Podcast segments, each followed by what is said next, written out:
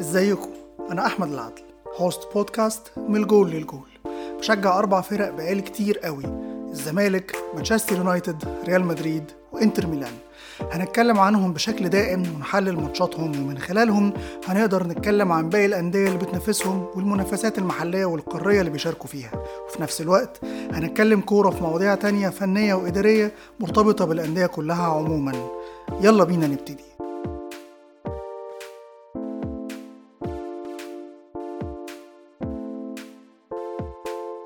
مساء الخير عليكم حلقة جديدة من بودكاست من الجول للجول مع أحمد العدل. حلقة محلية زملكاوية خالصة. مباراة هي الهزيمة الأولى لنادي الزمالك في بطولة الدوري العام أمام خصم تقريبا بيتسبب في عقدة لنادي الزمالك على مدار عامين هو إمبي 2-1 كانت نتيجة اللقاء. تفاصيل كتير قوي جوه الماتش هنتكلم فيها ويلا بينا نبتدي. الزمالك بيتغلب من امبي في مباراة فيها حاجات كتير قوي سبق واتكلمنا عن خطورتها قبل كده. سبق وقلنا إن الزمالك أو لعيبة الزمالك بالتحديد عشان تقدر تتغلب على الظروف الصعبة أو على فرق ال quality اللي ما بينها وبين الخصم لو كان الخصم quality أكبر منهم هيبقى بالجدية والرجولة والإحساس بالمسؤولية الكبير والروح العالية. وقلنا برضو إن في أفراد ولعيبة كتير في الزمالك مستواها أقل بكتير من إن هي حتى تعرف تحاول معاها وللأسف بيلعبوا كتير وقلنا إن دي مسؤولية أسوريو وهنتكلم عن مين اللعيبة دي برضو. فالحقيقة إن اللي حصل في ماتش إمبي كان تجميع لكل مساوئ الزمالك على مستوى الأفراد وعلى مستوى خطة اللعب وعلى مستوى إدارة اللقاء ومسؤولية اللعيبة كلها مع بعض جت في يوم واحد وكويس إن هي جت قصاد إمبي مش قصاد فريق كبير زي الأهلي أو زي زي فيوتشر أو دول. فاللي حصل كان سخيف وسبق واتكلمنا فيه بس يلا نتكلم فيه تاني وتالت. الزمالك بيبتدي بمحمد عواد حارس مرمى قصاده ثلاثي. محمود علاء في القلب على شماله محمد عبد الغني على يمينه حمزة المسلوسي. قصاده اتنين ارتكاز أحمد فتوح ونبيل عماد دونجا. قصاده أربعة شيكا زيزو عمر جابر مصطفى شلبي تحت يوسف أوباما. في المقابل انبي بيلعب بالخطة المعتادة لانبي دائمة وهي بثلاث مدافعين واتنين أظهرة ثابتين مش متحررين خالص خالص خالص وبيلعب زي ما لعب قصاد الزمالك قبل كده. zone low line جدا ما بيتحركش من مكانه خالص ما بياخدش risks تماما وعنده طريقتين بس للوصول للجول. يا إما أحمد أمين أوفا الراس الحربة بتاعه اللي بيلعب man تقريبا مع محمود علاء بينزل يستلم ويقف على الكورة. وبعد ما ينزل ومحمود علاء ينزل معاه أو لو كان اللي بيستلمه في اللحظة دي عبد الغني بينزل معاه فتفضى مساحة في خط الدفاع لرفيق كابو السريع جدا يتحرك في ظهره فيستلم في مساحة يخلق منها خطورة زي ما حصل في الماتش بتاعنا ده أو حصل السنة اللي فاتت ضد الزمالك بالتحديد وضد فرق كبيرة كتير أو عن طريق الكور الثابتة والعرضيات فقط لا غير. مفيش أي حاجة تانية عند امبي حافظينها بيعرفوا يتقنوها أو يعملوها توصلهم للجون غير دي. ده معناه إيه بقى؟ لما تبقى بتقابل فريق بيلعب بثلاث مدافعين ولو افترضنا إن كلام اسوريو صحيح إنه بيذاكر الخصم عشان يلعب بطريقة لعب تناسبه فمعرفش هل ده حصل المرة دي مع امبي ولا إيه بس لو قدرت تشوف بعينك إن امبي بيلعب بخمس مدافعين ورا ثابتين والعمق بتاعه ضيق وزحمة كبيرة هتدرك إن اللعب ب false nine زي أوباما هو أكبر غلط ممكن تعمله لفرقتك وأكتر حاجة بيتمناها الخصم. لعبك براس حربة وهمي معناه إنك هتسهل العمق على امبي وتسهل الدفاع على امبي خصوصا لو أنت بتعمل حاجة بتتطلب وجود راس حربة صريح. إيه اللي حصل من الزمالك في الشوط الأول علشان يتطلب منه راس حربة صريح؟ لأول مرة وأنت بتلعب بثلاثه ورا مش بأربعة بثلاثه ورا يبقى المدافع الثالث ناحية اليمين بيزيد هجوميا كتير. حمزة المسلوسي زاد كتير قوي ناحية الخط ولعب أربع أو خمس عرضيات جوه ال 18 آه الزمالك عامل زحمة بس مش الزحمة المطلوبة بالأفراد الصح. لو هتلعب عرضيات جوه ال 18 يبقى ضروري يبقى عندك راس حربة ثابت وحواليه لعيبة بتجيد اللعب بدماغها علشان تستقبل العرضيات. مش لازم كلهم يبقوا بيلعبوا بدماغهم كويس بس على الأقل يبقى في راس حربة وواحد كمان بيلعب بدماغه كويس. فلما تلعب عرضيات ليوسف أوباما اللي هو مش فرود صريح وهو اللي مطالب يلخلخ دفاع الخصم ويتحرك على العارضة القريبة علشان حد وراه يستلم. لا زيزو بيلعب بدماغه كويس ولا شيكا بيلعب بدماغه كويس ولا مصطفى شلبي نفسه بيلعب على الجول كويس. ده إحنا اتكلمنا قبل كده عن مشكلة ال finish عنده. ما بالكم لو مستنيين منه يبقى بياخد العرضيات يلعبها بدماغه.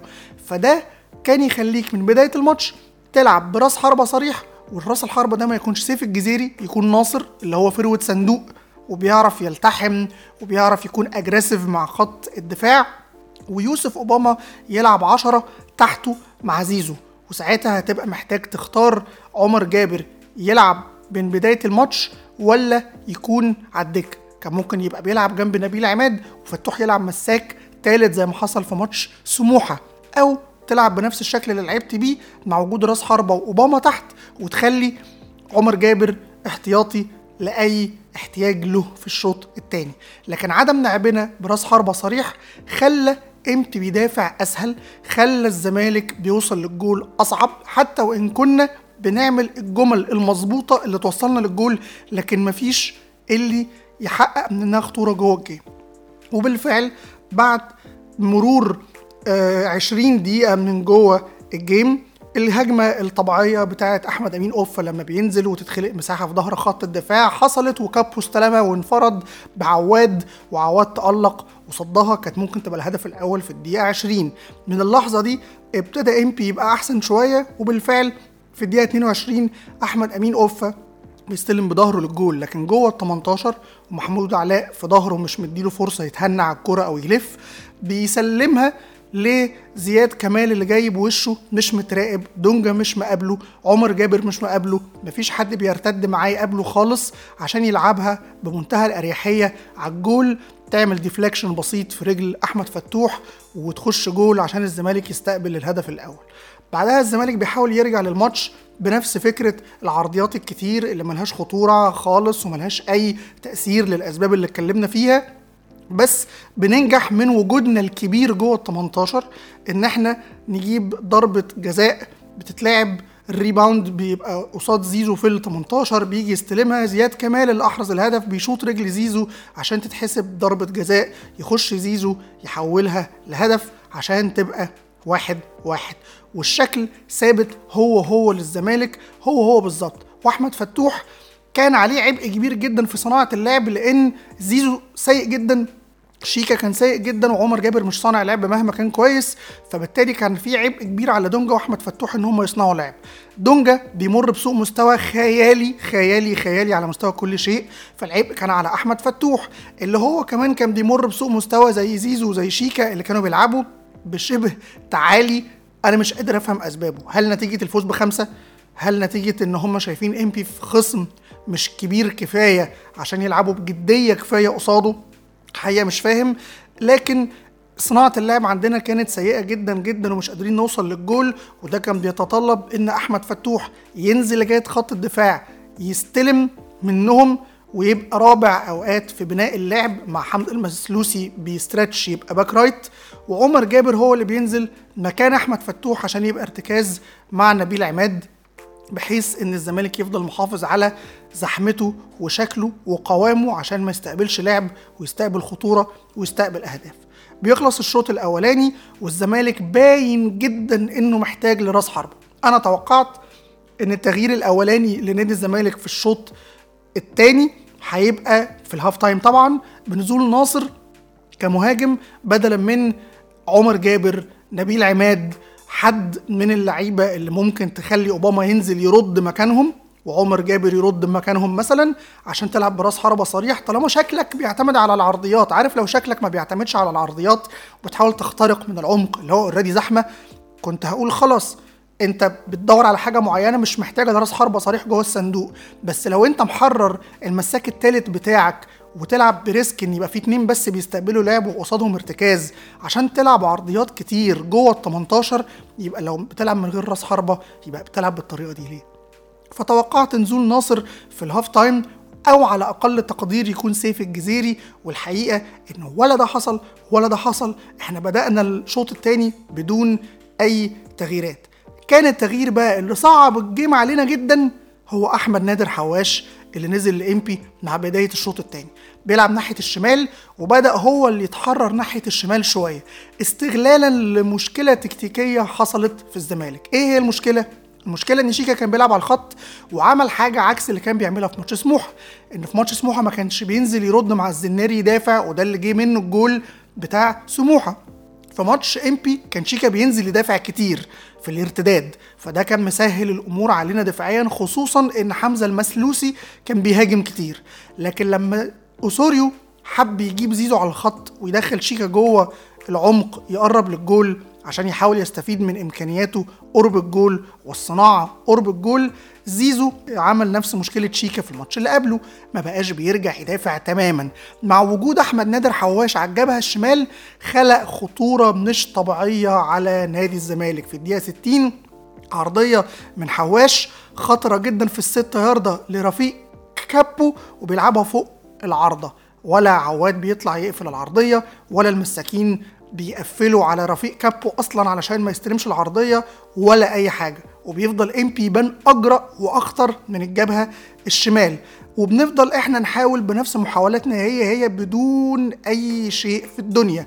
بتيجي بعدها بكام دقيقة عرضية مهمة جدا من حواش لأحمد أمين اوف اللي في قلب ال 18 ما بين خط الدفاع ومحمد عبد الغني سايبه تماما لوحده وهو كان أقرب مساك ليه عشان يلعبها لكن تمر جنب ال 18 بالظبط. وده كله استغلالا لعدم رجوع زيزو واسوريو اللي مش واخد باله من المشكلة برضه معرفش إزاي.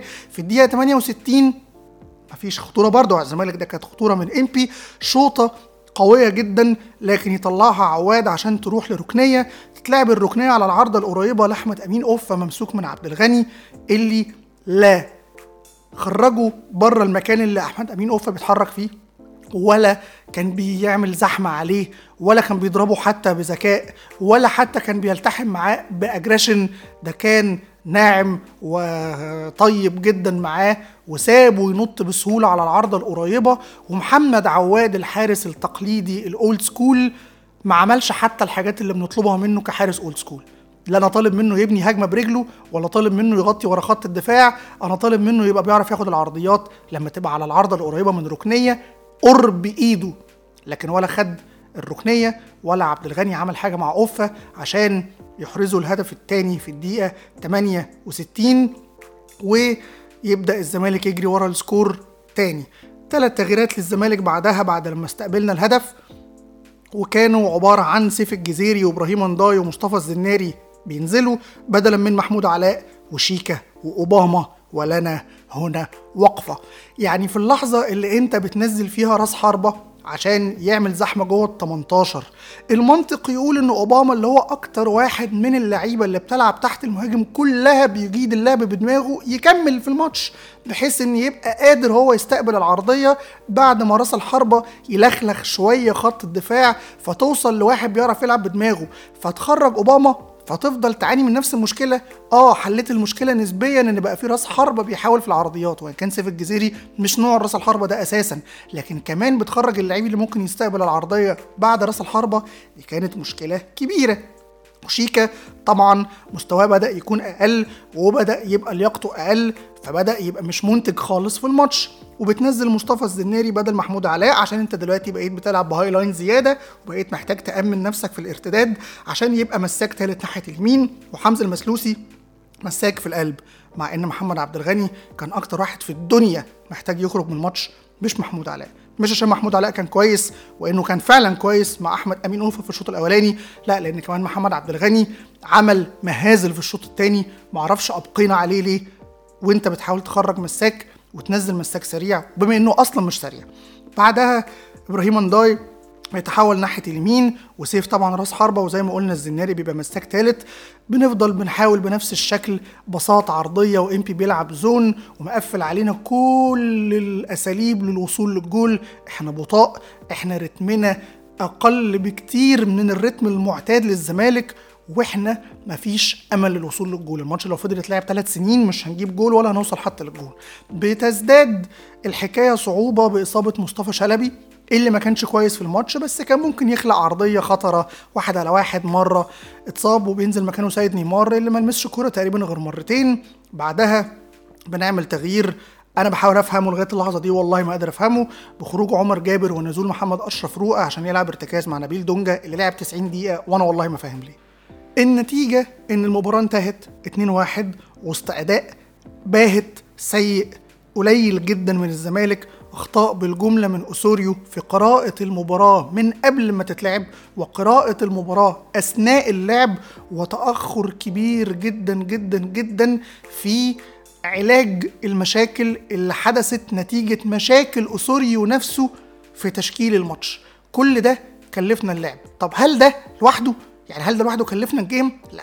مسؤولية اللعيبة الكبيرة جدا اللي كانوا ما بياخدوش أي ثنائيات اللي كان رتمهم واقع اللي بيلعبوا بالكعوب وفي وقت أنا متعادل فيه وباقي ربع ساعة وعايز أوصل للجول فتلاقي 1 2 بين زيزو احمد فتوح فتوح بيسلمها له بوش رجله الخارجي تبقى تشيب من فوق خط الدفاع. مش وقته. هل ده وقته؟ هل ده شكل لعيبة مسؤولة بتدور على المكسب بجد وعاملة حسابها على إن هي ما تفرطش في أي نقطة تحت أي ظرف من الظروف؟ للأسف الشديد لأ مش معنى كده إن أنا بحمل اللعيبة لوحدهم ولا بحمل اسوريو لوحده ولا أي شيء لكن بقدر متوسط حتى من الجدية من اللعيبة كان ممكن بنفس مشاكل اسوريو نبقى أحسن من كده. أنا عايز اللعيبة حتى تعمل الدور اللي عليها وتخلي شكل اسوريو وحش. أنا هبقى مبسوط والله لو عملوا اللي عليهم وقالوا كل اللي عندهم وموتوا نفسهم في الملعب وبان إن المشكلة الوحيدة اللي عندنا هي مشكلة مدير فني. لكن لما تبقى مشكلة أساسية من اللعيبة اتكلمنا عليها في كل المباريات ماتش ارتا سولار اللي, كان هناك ده كان مسؤولية لعيبة بحتة أخطاء بالجملة في أول أسبوع في الدوري من اللعيبة بشكل كامل أخطاء بالجملة في مباراة المقاولين وتراخي وتهاون مش طبيعيين.